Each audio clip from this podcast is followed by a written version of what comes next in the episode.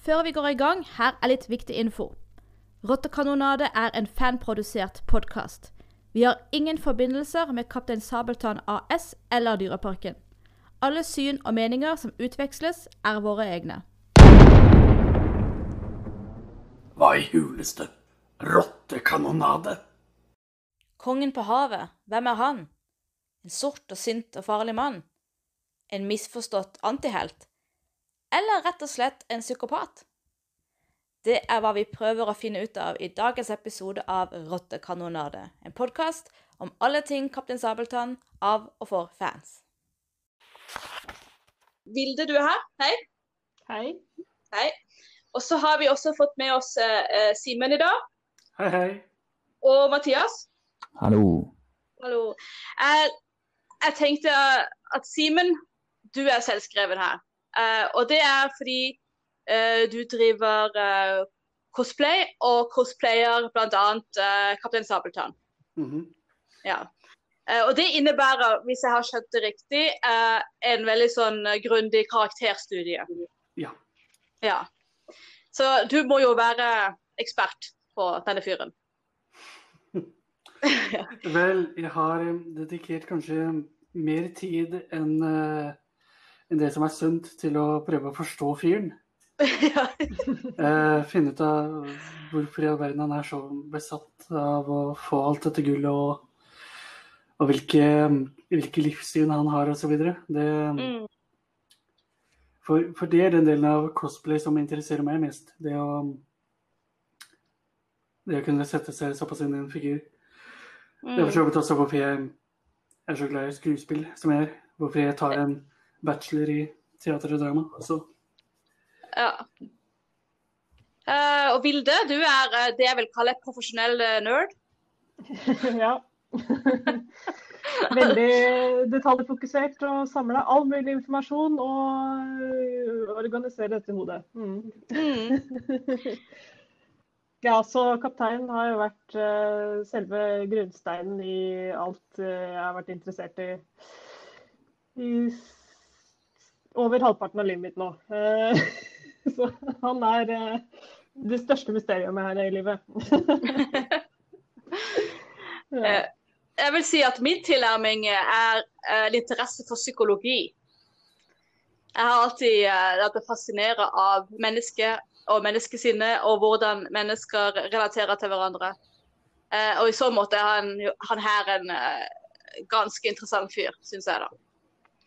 Men hva med deg, Mathias? Hva, hva er det som eh, er Sabeltann for det det er vanskelig å si det. Eh, Jeg har, min time Sabeltann har vært eh, som for alle andre. Altså, en, jeg er generelt en, en fan. Når du har kommet eh, jeg vokste litt opp og prøvde å se på Sabeltann med litt mer voksne øyne, så har jeg kanskje ikke tatt en like stor prøve, rolleforståelse eller en psykologisk forståelse av Sabeltann, men eh, noe som kanskje heller passer inn i en senere episode, eh, som vi har nevnt litt om, nemlig litt mer eh, historisk forståelse av Kaptein Sabeltann som sjørøver Ja, ja. som, hvordan han passer inn i, som sjørøver. Det er gøy. Da har vi fire veldig ulike tilnærminger. Det blir gøy. Eh, dette er som sagt vår uh, første ordentlige episode, sånn sett. Uh, og tanken er at denne her første sesongen vår, vi satser på flere, Uh, skal handle om uh, karakterstudier. Og um, vi skal gå litt inn på de ulike figurene i Sabeltann-universet. Og Vi begynner selvfølgelig med Captain sjøl i dag. Mm. Ja.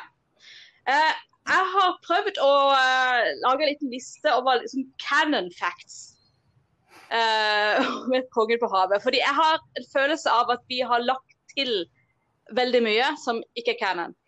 I vår forståelse av hvem han er. Uh, så den lista mi er forholdsvis kort, uh, og den er som følger. Han er kaptein på sjørøverskuta Den sorte dame. Han bor alene i en borg. Han går alltid kledd i sort. Og han er redd for spøkelser. Uh, er det noe jeg har glemt? Jeg føler det, men eh, som du sa, det er litt vanskelig å eh, når jeg tenker over det nå, vite om de tingene jeg følte veldig sterkt for du manglet nå, er, eh, ikke. Men han, han er jo noe Det blir sånn tilleggsinformasjon. Han er jo kongen på havet. Han er jo en kjent sjørøver høyt oppe på statusfjellet der. Og ja Jeg kunne sikkert sagt mye mer, men nå ble jeg liksom usikker, som, som jeg sa. uh, ja. Mm. Men jeg følte definitivt det manglet ting. Man kan jo tenke seg at alt som går igjen på tvers av de tre store som har spilt Kaptein Sabeltann, er på en måte uh, skal jeg si, ugjenkallelige canon. Ja, Ja, Mm. altså ting som har kommet til underveis. Ja, men for Mm. eksempel, det Ja. også bare, også, også bare må, altså Siden jeg tenker at de tre skuespillerne har tolket kapteinen litt forskjellig, men uh, de, det er jo også tre ting de har altså, Eller det er jo ting de også har til felles, Mm. Mm. eh, de tre. Og at det er da kalle can uansett hvordan man vrir og vender på det. Ja. Eh, vi skal gå nærmere inn på disse tre eh, litt senere. Så eh, Mm. eh, skal vi absolutt. Men jeg tenker vi må begynne på starten. Mm. Mm. Eh, og kapteinen han blir introdusert for oss aller første gang sommeren 1990. Og etter min beregning så er den eneste av oss fire som levde da. Det høres riktig ut. Og ikke bare var jeg den eneste som levde, jeg var syv år og husker det faktisk. Um, så eh, sånn som kapteinen var da eh, Det var jo Først og fremst så var han jo antagonisten i den fortellinga. Han var skurken opprinnelig. Mm. Altså helt ubestridt skurken. Og helten, eller heltene det var Sunniva og Pinky. Godt hjulpet av en faderlig Ruben den røde. Uh, og kapteinen var en fyr som dukka opp helt på slutten og ble overmanna av motorkaplanken. Yes. Uh, litt som skurkene i nyere Sabeltann-historier nå. Den opprinnelige Um, sabeltannskulken, ja. Ja. Eh, og slik jeg husker han da, var at han var veldig brautende og veldig sånn der uh, Her er jeg, fall på kne for meg. Og opplevde nok seg sjøl veldig skummel. ja. Jeg tror han opplevde seg sjøl som veldig skummel. Mm. Hvorvidt han var skummel eller ikke, det, er- det er sånn Jeg kan ikke huske at jeg syntes han var spesielt skummel, men mind you, forestillingene den gangen var på dagtid. eh, og det var strålende solskinn, eh, som det alltid var i mine barndomssomre. Eh, og jeg, det var mye komikk, og jeg kan ikke huske jeg syntes han var så skummel. Men dere har sikkert andre minner. Ja, hvis jeg kan få komme som nummer to her, da. Når du begynte så fint med liksom ditt første inntrykk av han. Jeg husker jo ikke mitt første inntrykk, men jeg så jo min første Sabeltann i 95. på Hvalstrand i Asker. Eh, så når du er så heldig å ha den der aller første forestillingen aller første året, så har jeg det der spesielle året han ikke var i Kristiansand. Eh, og da var han jo rukket å bli en mer etablert figur som eh, var kjent rundt omkring i hele landet. Men han var jo ganske lik den gangen. Det var jo den han var fremdeles, Det var forestilling nummer to. Og han var fremdeles bare liksom rein skurk da. Eh, de bygde jo liksom videre på forestillingen, hvor liksom bruker 40 minutter av forestillingen sånn, på å snakke om denne farlige, skumle mannen som skal komme. Eh, og så kommer han, og så jages han vekk igjen. Eh, og jeg husker jo som barn, altså som ordentlig liten, så var ikke jeg noe Jeg syns han var en ganske vanskelig figur. Jeg likte han ikke. For han var bare skurk. Og jeg skjønte ikke hvorfor han var liksom tittelfigur, og hvorfor han var i fokus. For han var jo bare slem. Jeg så ikke noe, noe fascinerende med han eller noen ting da jeg var i den rette Sabeltann-alderen, egentlig. Det var eh, Ja, han var bare ekkel og ubehagelig.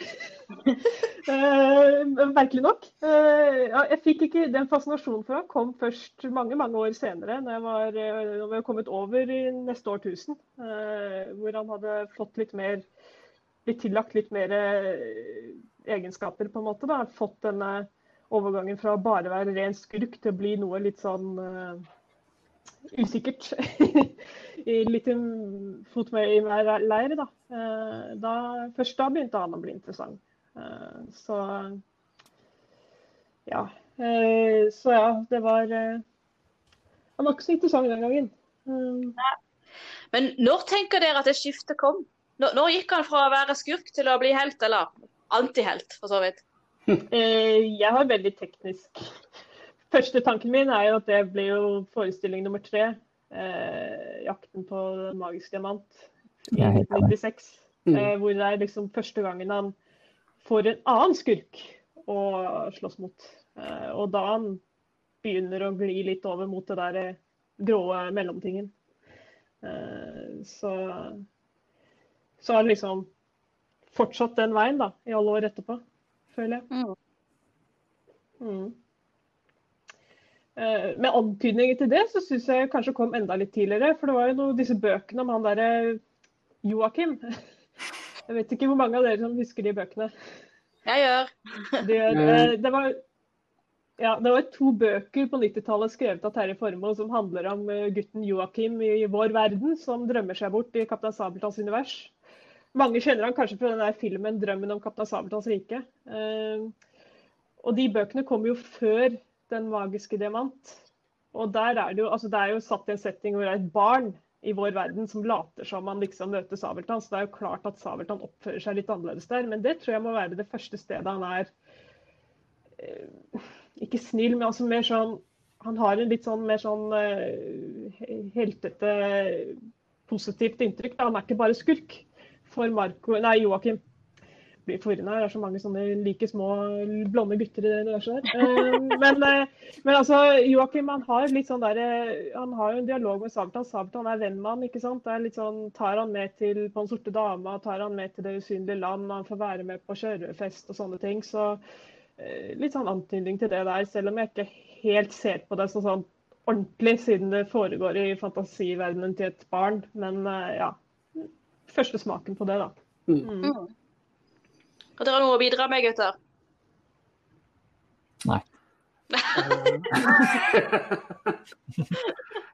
um, vel, altså Jeg vil si at um, at jeg er veldig enig i at uh, i 'Skatten i Skjutavika' så var det ikke veldig mye av kapteinen som var så veldig, veldig spennende. Det var disse her uh, truslene om at han, uh, hans vrede skulle bli grusom og nådeløs, eh, som var kanskje det mest spennende ved han. Eh, eh, og det på en måte ble ikke noe særlig mer spennende før, uh, før vi faktisk fikk oppfølgeren, uh, 'Hemmeligheten i Skjøtavika'. Hvor han da faktisk kom seilende inn med hele båten og hele greia. Og, og uh, viste det at han faktisk hadde litt mer til seg enn bare skumle, tomme trusler.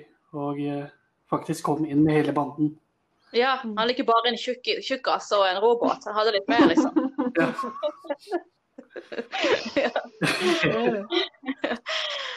Mm. men han, han har i hvert fall vært gjennom en På én side en ganske stor transformasjon. Eh, og på den annen side mye av det samme ennå. Mm. Mm. Uh, og det tenker jeg at, at Og da kan man jo stille seg spørsmålet hvor mye er Terje Formoe sin diktning og tekst, og hvor mye er skuespillernes tolkning? Ja. Mm. Er det nå jeg får lov til å ramse opp eh, det jeg gledet meg til? ja. Fordi, fordi han har jo vært spilt av skal få lov til å slippe til, jeg skal bare gi introen her. Han har jo blitt spilt av tre ulike menn uh, så langt. Og da snakker vi om uh, hovedsabeltann. Vi tar ikke med dagtidsskuespillere her. Siden 1990. Det har vært tre stykker. Uh, og da kan du bare kjøre på, Ville. Vær så god. Ja. Uh, den første eh, var jo, som eh, veldig mange vet, Terje Formoe. Eh, og han spilte da Sabeltann fra 1990 til 1999. Og gjorde ett comeback i 2010. Og nå snakker vi kveldsforestillingene.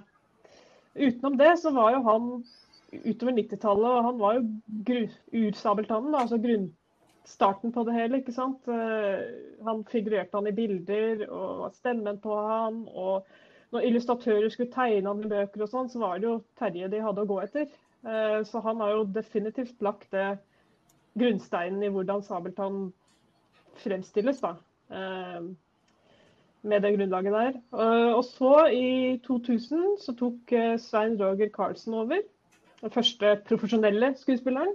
Eh, for Terje er jo ikke akkurat utdannet ja, Jeg føler jo påpeke det hver gang. Vi har den uvanen å si fornavnet på disse folkene. Ja. det, det er helt greit. Ja. ja. For, for Terje var jo ikke er jo ikke profesjonell skuespiller, så da var jo Svein Karlsen den første som liksom var hyret inn for det som en jobb. Um, og han spilte da fra 2000 til 2009. Uh, I tillegg så har han jo spilt på dagtid etter det noen år. Uh, dagtid er da sånne opptrinn i Dyreparken uh, i høysesong. sånn at eh, det er jo klart. Eh, og han var da egentlig bare Sabeltann i forestillingene. Han ble ikke brukt så mye i bilder og sånn. Jeg tror de knapt brukte han. Jeg tror de bare har brukt han på forsiden på eh, filmene, som de, altså de filmede forestillingene fra den perioden. Mm. Uh, så han føltes, når han kom, så føltes han veldig ut som en sånn kun forestillingssabeltann, fordi Terje Formoe var bildet ellers, liksom.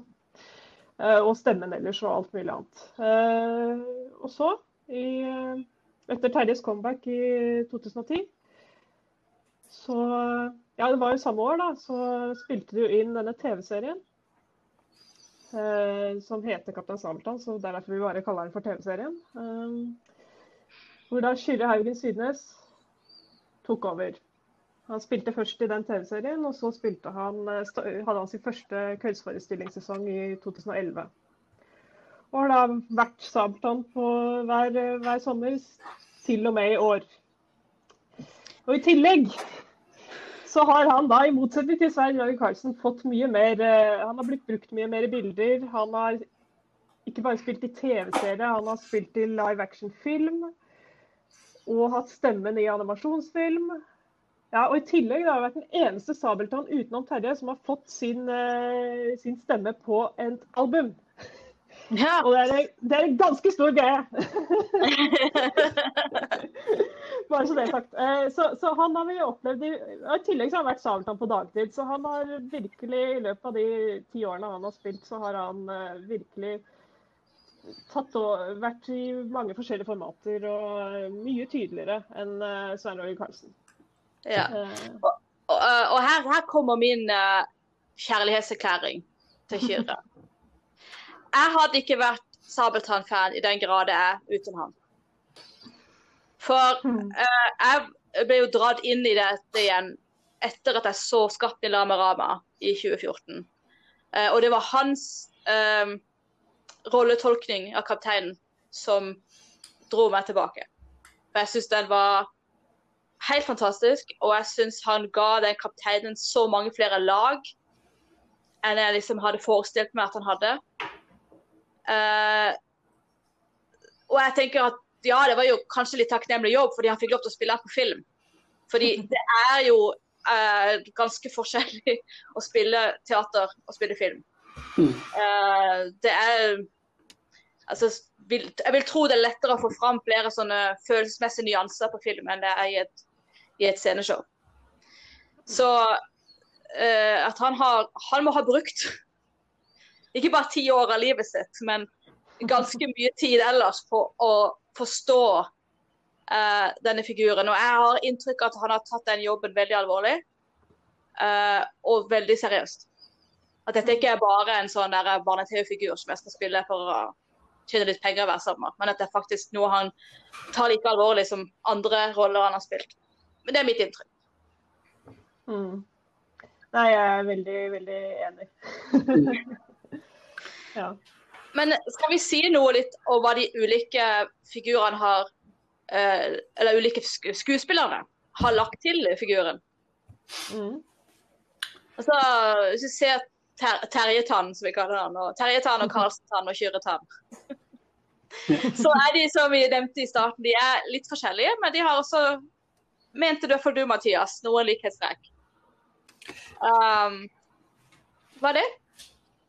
Likhetstrekkene vil jeg si er, er, er altså, ta det åpenbare. Den, denne skal vi si øh, sjefete, altovertrekkende karakteren som styrer over mannskapet sitt, herser med det, er en autoritær figur. som bestemmer hva som skal skje til enhver tid, og øh, kun ute etter sine egne mål. Uh, og det er veldig dekkende for alle tre kapteinene.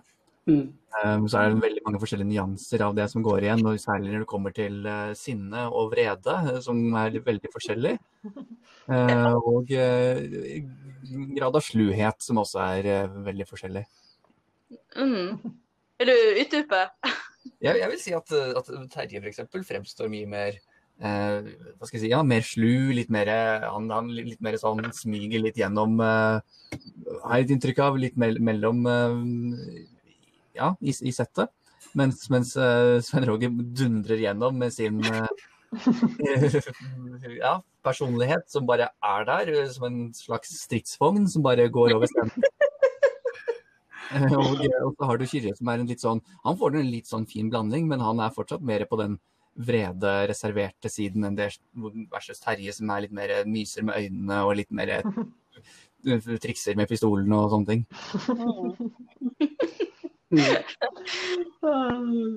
Stridsvogn. Ja, nei, det var det.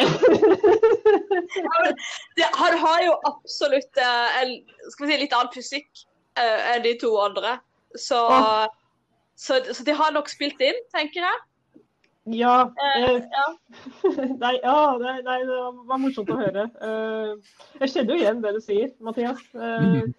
ja, nei, det Altså, jeg, jeg er jo veldig visuell.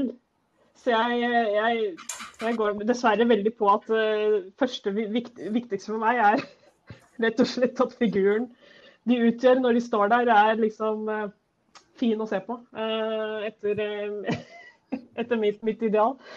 og ja Ja, det, hva er det jeg prøver å si nå? jo. så Det var det som var så morsomt med stridsvogn. For Svein Roger han var veldig sånn og han var så eksplosiv og så sinna og så lei. og så Han virker litt sånn trøtt, nesten som kapteinen. er litt sånn åh, jeg, må jeg ut på tokt igjen med den gjengen her? og liksom, ah, Ingen hører på meg. Og, og jeg er så oppgitt. Uff a meg. Han var veldig der. Han er sikkert den mest uh, oppgitte kapteinen av de alle. Gretne. Gretne kapteinen. Gretne kapteinen. Ja. Uh, jeg har ikke fått morgenkaffen min, kapteinen. Ja, ja. ja, mens uh, Altså, alle er jo det, men altså, han var mest sånn.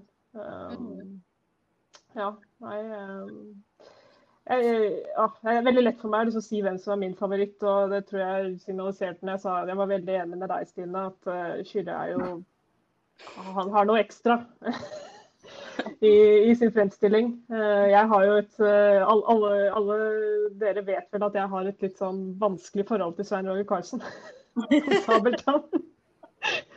Eh, og det har jeg den dag i dag. Det er liksom trist, for han er jo egentlig Han spiller jo bra, han er jo ganske morsom. Men han fungerer bare ikke som kaptein for meg. Uansett hvor mye han prøver, liksom, så blir han bare en fyr som spiller han. Dessverre. Det er liksom, fordi han måten han er på, sånn fysikken, uttrykkene, fjeset, er så feil for meg. Det er ikke riktig type, liksom. Det er den stridsvognen. Det er ikke sånn kapteinen er for meg. Nei, han, han lever ikke opp til idealet ditt, rett og slett. Nei. Men hvis jeg kan få lov til å skyte en lite forsvar av eh, Svein Roger, eh, for å mm. balansere eh, samtalen litt, så hvis man prøver å sammenligne litt med disse klassiske kjørerfigurene man har, så så fremstår jo da Svein Roger litt mer, som vi har snakket om eh, ganger tidligere utenfor i vanlige samtaler, at han er mye mer majestetisk, litt mer kongelig. At han er mm. mer Han har mye, hva skal jeg si, mye mer sånn eh, altså, sterkere personlighet når han mm. er altså sånn han, altså, Jeg vet ikke om jeg skal sette helt fingrene på det, men det er sånn Han, han på en måte han krever eh, den eh, respekten. Riktig. Ved bare være tilstedeværende, på en måte. Han, han har en, eh, en, mer, en, mer, militant fremtoning enn det noen av de andre har. Mm. Han, er, mm. han, er, liksom den, den uh, kongelige Den kongelige obersten av havet, på en måte. Som blir fly forbanna hvis du ikke gjør akkurat som han vil. Jeg er helt, helt enig. Og, og, og, bare de, de, de, de liksom klassiske uh, sjørøverbildene man har, så blir han mye mer lik det svartskjegg. på en måte. Ja. Være, en, bare, eller være skummel bare ved å se på han, på en måte. Bare se øynene hans, bare ved å se hele skikkelsen, så er han direkte skummel. Mm. Uh, og, og sånn så blir han da det, hva skal jeg si, den, den frykten som Sabeltann sies å ha på mennesker, uh, som også Svartskjegg hadde i sin tid, på ekte. Ja. Mm. Jeg, jeg ser absolutt den. Jeg tenker jo at eh, eh, at eh, Kyrre Sabeltann at han eh, han hviler mer på skal jeg kalle det ikke på den her eh, sinte framtoninga, men mer på Jeg nå ikke helt stå her. Jeg tror jeg må klippe ut det her. Den, med, den mystiske, den litt mer eh, altså, Bare for å spille videre på det du sier. altså, Jeg syns Kyrre også er sånn majestetisk og Manip, sånn manipulerende. Manipulerende. manipulerende. Ja, Litt, bøl, litt bøllete. Også, Ja, Kyrre er manipulerende. Ja. Og så vil jeg si at, for ikke nødvendigvis en ekte skikkelse, men han minner da litt mer om uh, Kaptein Krok. Som, Ja. han er, en, som er en ganske relativt klassisk figur, men ligger riktignok fiksjonell. Men at han er en, en riktignok sjefete, men også mye mer manipulerende, mystisk uh, karakter. Og så kan jeg da avslutte med, eller jeg vil ta sammenlignet Terje, vil jeg faktisk si er litt mer som, selv om det har vært mange tolkninger av den karakteren også, så vil jeg si at det er litt mer som Long John Silver. En litt slu eh, karakter som også som er litt sånn Ja, ja. ikke nødvendigvis eh, imposing eh, i, til enhver tid, men, men mer smyger seg inn og får det han vil ha uansett, som alle respekterer. Ja. Eh, og, det, og da tenkte jeg på det her, fordi eh, jeg har studert litt grann litteratur. Eh, og i den forbindelse så lærte vi om den byro, byroniske helten, eller the byronic hero, eh, kalt opp etter lord Byron eh, sine diktninger i romantikken. Um, og jeg syns jo at eh, i hvert fall Kyrre sin sabeltann er en sånn spot on byronisk helt. Eh, og de kjennetegnes ved at de er gretne, eh, tilbakeholdne og mystiske, vanskelig å like og vanskelig å kjenne, men at de har et rikt følelsesliv og en mykere side som noen få utvalgte får tilgang på. Og de er Mm. intelligente, oppmerksomme, sofistikert, danna og utspekulert, men også veldig selvsentrerte og selvopptatte. Og det tenker selv er her med å være si, stilig, velkledd, uh, ter seg ordentlig. Uh, snakker særlig i Lama Rama, ikke sant? når han sitter i den her overdådige lugaren sin. og liksom Altså, Det er nesten, det er nesten liksom pekefingeren ut og drikke te, liksom. Ja, ja. Dette er en sånn der gentleman. Ah, ja. Samtidig som han er utspekulert og manipulerende og ja, fryktelig, fryktelig selvopptatt. Mm. Eh, nesten litt sånn vampyr. sånn der romantisk vampyr eh, fra disse her eh, kjærlighetsromanene. Og jeg, jeg vil jo ja Jo, altså, mens du kom inn på dette med vampyr, så kom jeg på en ting som vi kan eh, drive oss litt mer over til. Eh, når det kommer til dette her med canon osv. For en annen ting som også er veldig canon med Kaptein Sabeltann, er jo utseendet til kapteinen, hvordan han fremstår visuelt. Og det er da med disse flotte klærne sine i sort og gull. Det er eh, alltid sånn. En annen ting som alltid er med kapteinen, er eh, selvfølgelig den flotte, fine parten hans. Og eh, dette hvitmalte ansiktet. Mm. Mm. Og vi fikk før aldri noen god forklaring på hvorfor kapteinen var så hvit i ansiktet. Det vi aldri før, før eh, Skatten i Lamarama. Ja. Og det kommer vi inn på mer i den lille miniepisoden som Mm, uh, vi skal se til neste uke. yes. Uh, og, men det, det sier jo litt om hva, hva er det med utseendet. Utseendet spiller jo inn på hvordan vi oppfatter han. Det er jo med på å underbygge personligheten. Jeg vil nå si det er en av de utrolig viktige faktorer ved han. Og jeg å se for dere Sabeltann som oppfører seg akkurat sånn han gjør nå, men at han ikke har det hvite fjeset og ikke har de sorte klærne. Han har bare de sånn generiske kjøretøyfargene og Ellers så ser han liksom Formen er helt lik, men altså Det er ikke de fargene. Hadde han, hadde han vært like kul da, tror dere? jeg tror ikke det. Det vel eller annen som Jeg, jeg lurer på om det var Odda, altså Oddby Magnus Williamson, som uh, sammenligna han med Kiss. Ja, det, det, det har vel Skydde gjort også, tror jeg. i. Ja, eh, altså- I forbindelse altså fordi han eh, Altså Det har jo flere ganger skjedd, tror jeg, at folk har sammenlignet Sabeltann med ja, eh, rockestjerner og sånne ting. Mm.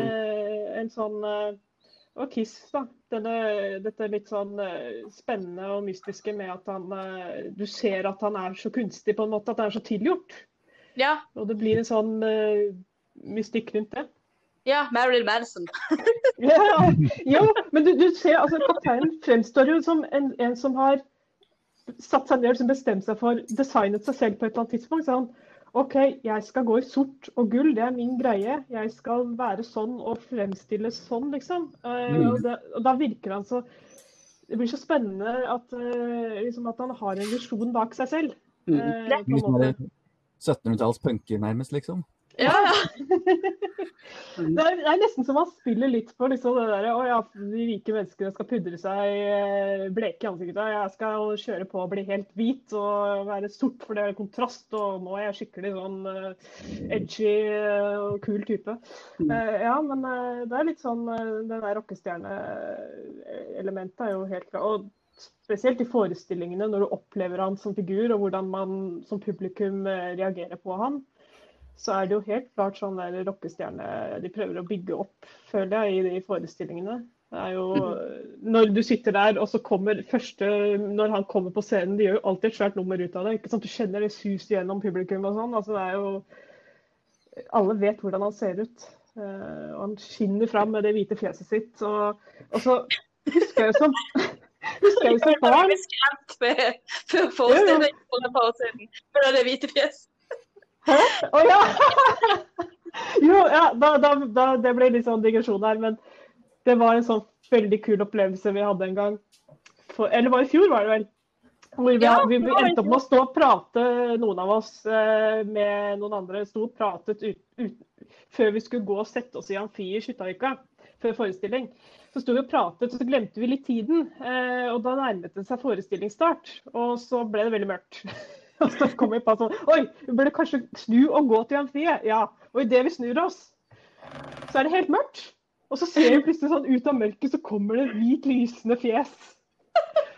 Og så nærmer seg, og så om, kommer omrisset, vet du, gullkanter og sånn. Og det er jo selveste kaptein Sabeltann som kommer sånn rett mot oss. Og vi ble helt sånn vettskremt. Han kom jo veldig fort, og så han sa vel sånn Hiv hoi, sier han. sånn, Og da var han på vei til Den sorte dame. Eh, og så kommer de andre kjørerne bak han da, og vi ble jo helt sånn satt ut og ble sånn overrumplet av liksom, Plutselig så kommer hele den gjengen forbi. Ja, nei, det, det, var en, eh, det var en opplevelse. Nei, men eh, det skulle legge til med det hvite ansiktet, var jo at eh, som barn så var jo det litt sånn Han, han, grenset, han ble liksom ikke som en Det gjorde at han ikke virket helt menneskelig. At han virket nesten som en sånn eh, Noe ikke-menneskelig, da. Som at han ble noe av en annen verden enn oss. Siden du ikke Mm. helt eh, Som barn så visste jeg jo ikke at eh, liksom, han kunne sminke seg sånn. Jeg trodde at kanskje, han kanskje var sånn av mystiske grunner. Eh, og det gjorde han veldig sånn eh, Og Kaptein Sabeltann er, er noe annet enn alle de andre. Og, Ja. og dette blandes jo med den der eh, 'Sjørøverne kommer', den aller mest kjente sangen. Mange kjenner den sikkert som 'Hiv ohoi'. Eh, nå så kan vi ta det rolig i de neste 100 år. Eh, Det er som- ikke det den heter. Hm? Hva sa du? det er Ikke det den heter, bare så alle sammen vet det. Jeg sa vel det først. Ja. Eh, jeg, sa, jeg sa bare at det var mange som kjenner den som Iva for det er det mange som gjør. Men det er ikke den det. heter Nei, det er ikke det den heter.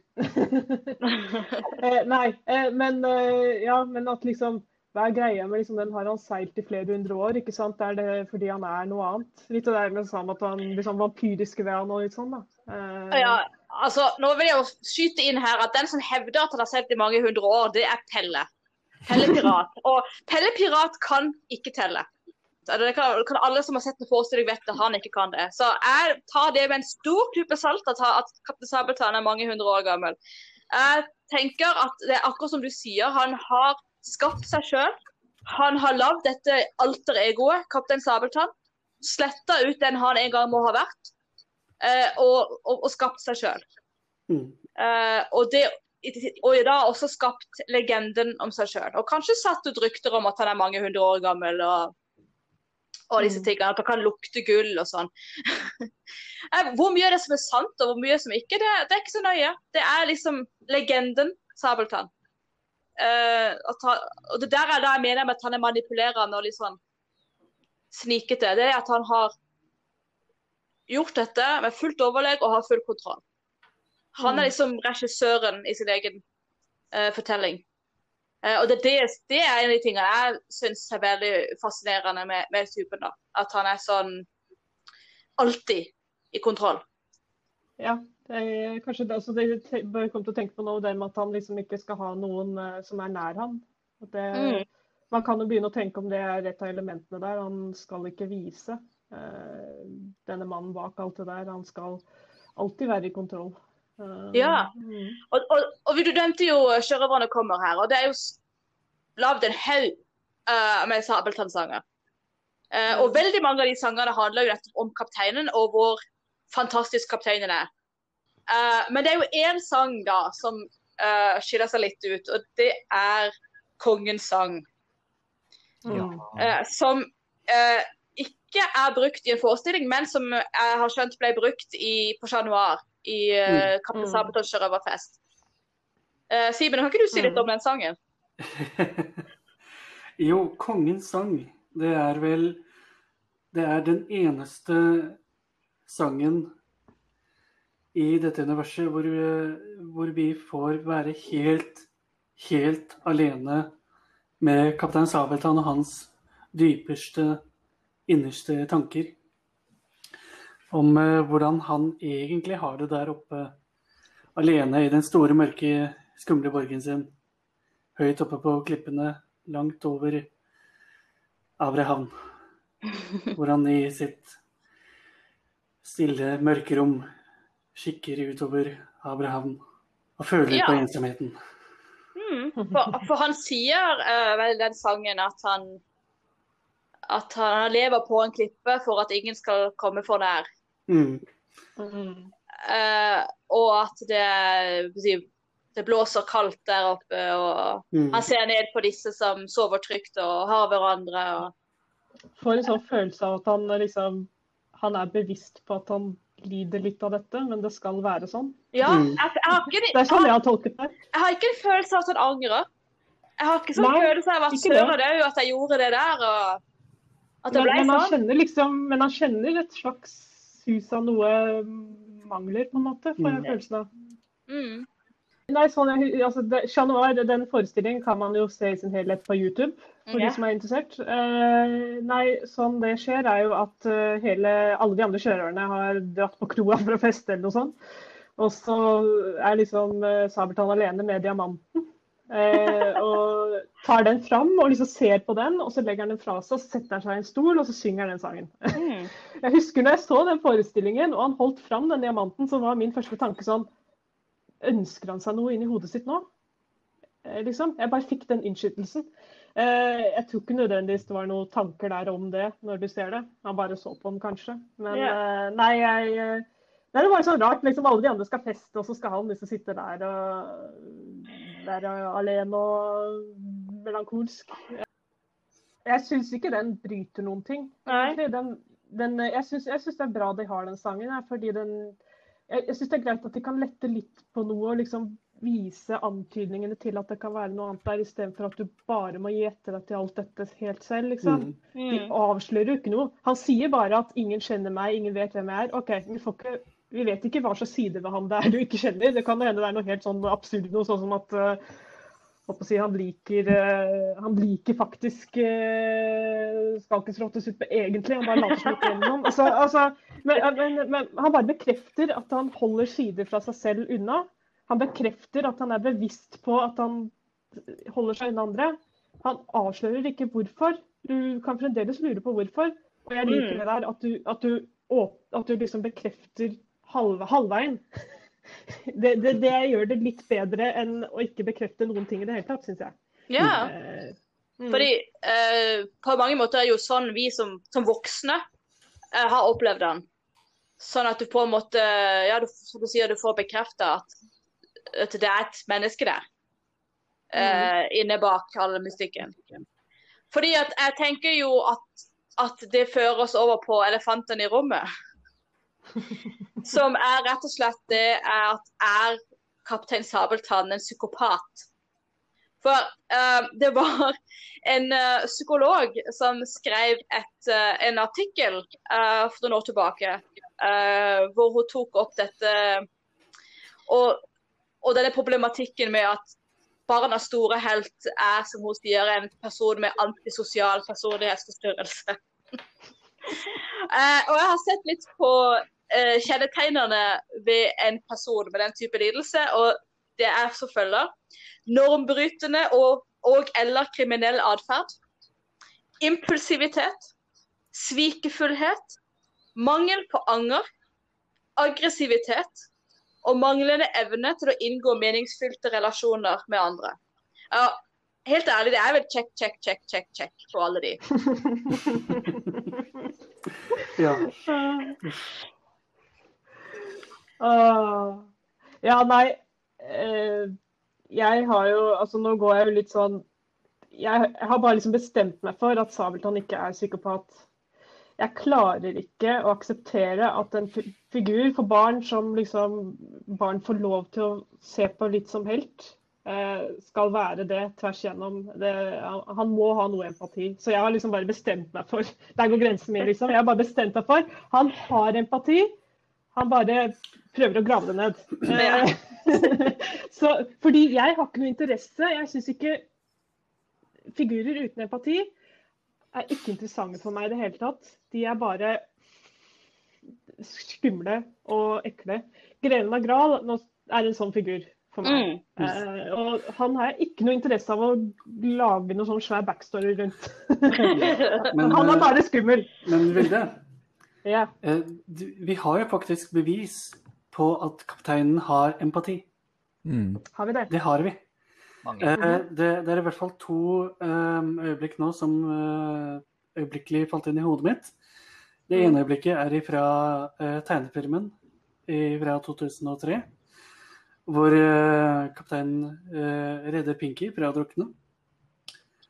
eh. På vei inn til Fantomas. Det andre øyeblikket er hvor han eh, redder livet til eh, Pelle og Pyse i Skatten i Lamarama. Kan jeg bare få skyte inn at det ser ikke jeg på som signaler på empati. Han gjør på en måte jobben sin, sånn jeg ser det. Han er kaptein. Mannskapet er ressursene hans. Han er nødt til å holde de i live når han fremdeles kan ha bruk for de. Kynisk, Vilde! er så herregud. Ja, men det- dessverre, det er sånn jeg ser på det. Da. For sånn jeg ser på det, så klarer ikke jeg Det er det du sier med sjekkli- sjekklisten på, psy- på psykopati og sånn. Jeg klarer ikke se, se noe sånn helt klart øyeblikk hvor han gjør noe som signaliserer at han innerst inne er god, på en måte. Han, han holder veldig godt inni seg. Eh, så de øyeblikkene som jeg ser på som litt mer sånn eh, antydning til at han i hvert fall har standarder, eh, noen form for idealer av hvordan man skal oppføre seg, liksom, så er det de jeg vil kalle sånne helteøyeblikk. Hvor han f.eks. da i de to nyeste versjonene av Den forhekste øya, hvor han stopper greven fra å gi Miriam det siste nådestøtet. Eh, han kunne valgt å la greven liksom gi slutt på henne, men Miriam har da befridd Sabeltann. Og Sabeltann stopper da greven, og jeg tolker det litt som at han gjengir denne tjenesten tilbake. da. Mm. Og at det er en slags, han har en slags sånn Du gjorde meg en tjeneste, nå føler jeg at jeg må gjøre noe tilbake.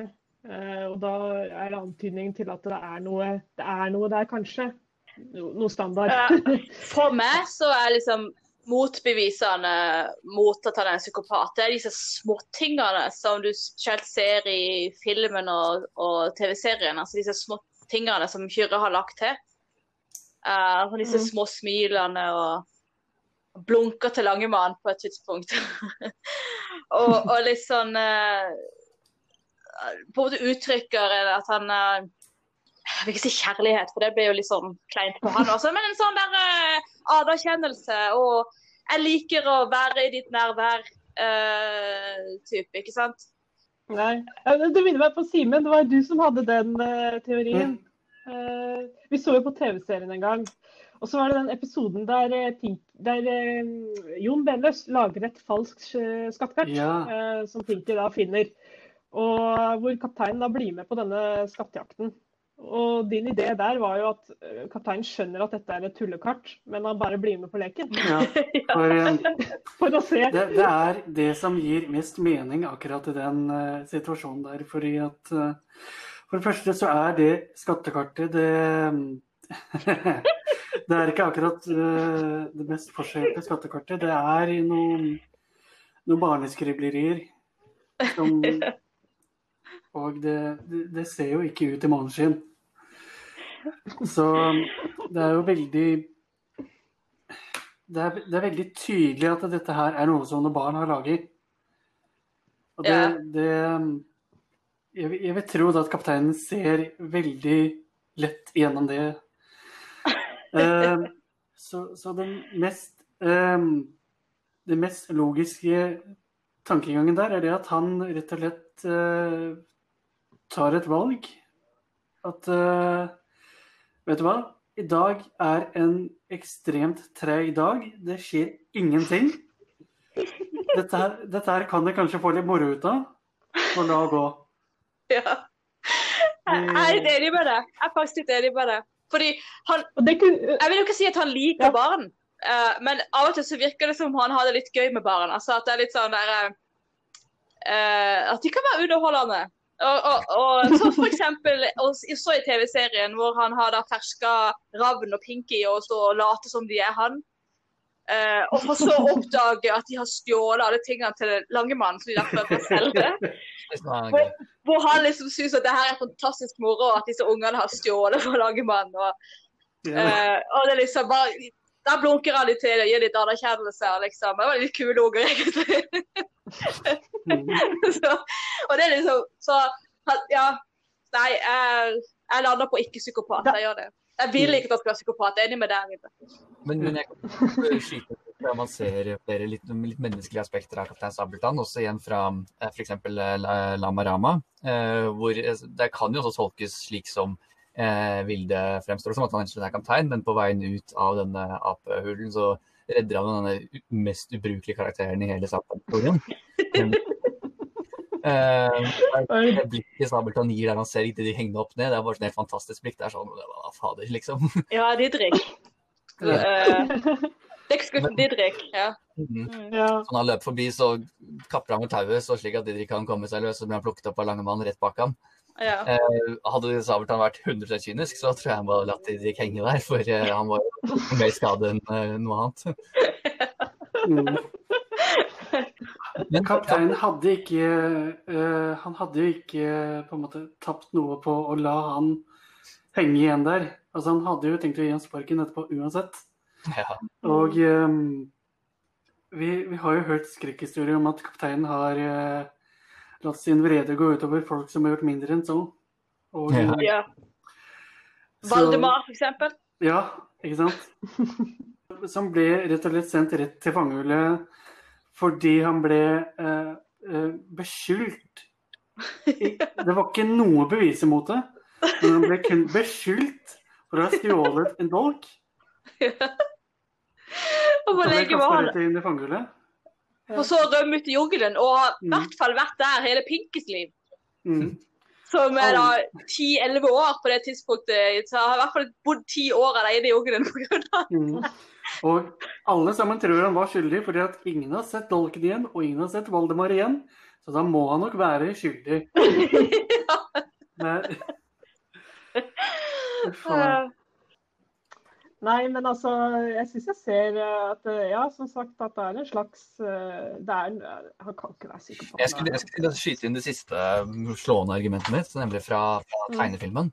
Oi. Eh, Mm. hvor eh, for det første, eller og er ikke bare tegnefilmen, også da Gabriel Skatt, hvor han eh, omsider først ser en slags litt sånn arving i Pinky på slutten av Gabriels katt. Og at liksom, ja, men du kan bli med meg og dra ut, og vi kan ta skatter sammen. Liksom, endelig ser en verdi i Pinky. På en måte, og nærmest ikke, ikke akkurat som en, ikke en sønn, men sånn, en slags liksom sånn Dette her er en fan som kanskje har lyst til å bli, som har lyst til å bli kjøre over mer enn noe annet, men da bestemmer Pinky seg for noe annet. Men når da Pinky sier nei etterpå, så blir først Sabeltann litt sånn desperat. Ja, men, ja, men hallo. Og så etter at Pinky har forlatt skuta, og da, det er det eneste lille sekundet hvor du ser en slags sånn liten sånn lite melankolsk tap, litt sånn sorg hos Sabeltann. Det er når Sabeltann da lukker denne lille luka som Pinky har bodd under, denne hengekøyen. Når du ser han tar denne kosten, og så ser han under Pinky hengen som Pinky har ligget i, så er han sånn Åh. Og så lukker han lukker, litt sånn, Du ser litt sånn sorg i blikket hans. Det er jo tegnefilm, da, så er det vanskelig å få det frem, men men og så går han ut, og så er det greit, det er nye eventyr. Men det var sånn det, det er litt sånn OK, jeg er lei meg for at Pinky er borte, liksom. Sånn Det var jo ja, noe jeg kunne fått noen følelser for, liksom en slags sånn arving. ja. Ja. Eller så kan vi ta den der kyniske bildeversjonen igjen, av at han bare så en som var veldig nyttig til å gi han skatter. Eh, ja, ja. Eh, Ja ja, der forsvant den gullgutten. ja. Jeg kom på det der ene øyeblikket i TV-serien hvor han eh, fersker Pinky i skattkammeret sitt. Eh, og så sikter på, sikter på han med pistolen, og lagermannen går imellom. Og han sier Og liksom ber eh, om at Piggy skal få gå. Og, og kapteinen sier 'fordi det er du som spør, Lagermann'. Hmm. Det er, tenker jeg er litt sånn der eh, at, at du, som du har, at du har litt, har litt, litt svakere for noen enn du er for andre. Eh, da har du følelser, tenker jeg. Mm. Fordi det er akkurat du som spør. Så skal jeg la det gå. Hmm. Men dere, eh, Ja. vi må begynne, begynne å Ja, er det viktig? Nei, jeg tenker vi må begynne å runde av snart. Eh, Ja. Og da mm. Eh, er det altså sånn, sånn at jeg er nødt til å så, eh, si det der litt triste. Eh, og det er at vi får snart en ny. En ny Mm. kaptein. Mest antagelig. Ja. Uh, og hva tenker, hva tenker dere om det? Åh, jeg får vondt i magen bare ved tanken. Eh, jeg, jeg har tenkt veldig mye på det. Eh, for jeg, jeg syns det fremdeles var i går at uh, Kyrre begynte, og all den håpefullheten rundt hans, uh, hans uh, nye tolkning og sånn, ikke sant. Jeg har, er litt sånn skada etter Svein Roger, så jeg er redd for at vi får en ny Svein Roger. Men jeg håper virkelig at uh, Kyrre har lagt et såpass sterkt preg på kapteinen at uh, det er en slags ny standard som gjør at du forhåpentligvis får noe, noe annet. Men, uh, men ja, det, det, det gleder meg ikke til det. Mm. Uh, Nei. det hørtes dumt ut. Altså, jeg, jeg går inn i det med åpne øyne. Mm. Men, men, eh, men jeg, jeg tenker litt på det som eh, Det har vi snakket om før. at Jeg tenker Kyrre er etableringssabeltannen min på en måte. Og selv om jeg kan like den neste, så tror jeg kanskje det skal mye til for at eh, jeg blir like glad i den som Kyrre sin tolkning. Fordi det liksom er den, den store kapteinen som liksom ga rollen enda mer elementer enn tidligere. Mm. Og alle etter vil liksom Ja. Den effekten vil kanskje ikke komme igjen. Det er det jeg føler. Mm. Vel, jeg er Jeg er veldig spent. For jeg Jeg tror at uh, Kyrre han har gitt et såpass eh, stort uh, avtrykk etter seg at uh, at uh, hvem enn det er som kommer til å måtte erstatte han, vil uansett måtte finne seg i å eh, rett og slett eh, legge til seg de samme type, den samme type mimikken og slikt som Kyrre allerede har mer eller mindre satt i stein, i hvert fall fra i sommer av, så vidt vi har sett. Uh, Ja, altså det var noen nye dagtidssabeltenner. ja, for at alle de sabeltennene vi har sett, sett på, på dagtid i sommer, har hatt uh, akkurat samme type kroppsspråk og mimikk som det De har åpenbart gått, åpenbart gått på Sydnes sabelskole. Ja, nettopp. Så jeg vil tro det at uh, hvem enn det er som overtar etter Skirje, vil mest antagelig ha uh, mye ifra Skirje å kunne arbeide videre med. Men jeg vil tro det at vedkommende også vil kunne få bringe litt uh, frisk pust inn i rollen og få gjort noe kanskje enda mer, tatt rollen i en ny og litt spennende eh, vei enn det Shiri kanskje har gjort. Og så tenker jeg, Min siste trøst i hvert fall min er takk og pris kan jeg tegne. Så selv om Kyrre slutter, så kan jeg tegne han. Ja. For det er vel ingen tvil om at din eh, tegne Sabeltann er basert på Kyrre. Det tror jeg. Jeg prøver så godt jeg kan å bevare han. Yes. Ja. Man har liksom sine favorittting man ønsker skal være med videre. Noen ting vil jo alltid forsvinne, ikke sant? Ja. Og det er den der redselen for hva som beholdes og hva som blir med. Eh, ikke blir med. OK, dere. Ok, dere. Helt til slutt, yeah. veldig kjapt. Hva er det ved Kaptein Sabeltann som appellerer sånn? Bilde. Nei, han er eh, Nei, det var, det var vanskelig spørsmål, Stine. Ja. Eh, Han, han er Sabeltann. Han er kongen på havet. Han er eh, den mest kuleste, tøffeste, teiteste, utroligste, deiligste Sykeste fyren i hele verden. Jeg tror vi lar det være med det. Så ikke bare lar det være sånn. Den kuleste, deiligste, fineste fyren. Yes. OK. Eh, da eh, minner vi på at vi har en eh, Instagram-konto som også heter Rottekanonade. Hvor du kan få se bl.a. Vildes uh, kyrre-sabeltanntegninger. Simen, har du en Instagram-konto? Ja, det har jeg. Den heter Sim Sparrow. Altså Sparrow som i fuglen spurven, bare på engelsk. Ja, eh, Du Mathias, er du ser folk har følge deg? Er du interessant på sosiale medier? Nei, jeg har ett eh, bilde i snakkende stund som er lagt ut på Instagram. Eh, jeg, kan, jeg drømmer om å poste mer en gang, men jeg heter Hoffendott. Ja, ok. Men vi kan se deg av og til på Simen sine bilder som Langemann. Ja, det er sant. Ja, ja. Da er det gjester det bare å si uh, god seilas. Mm. Ha det bra. Ha morgen.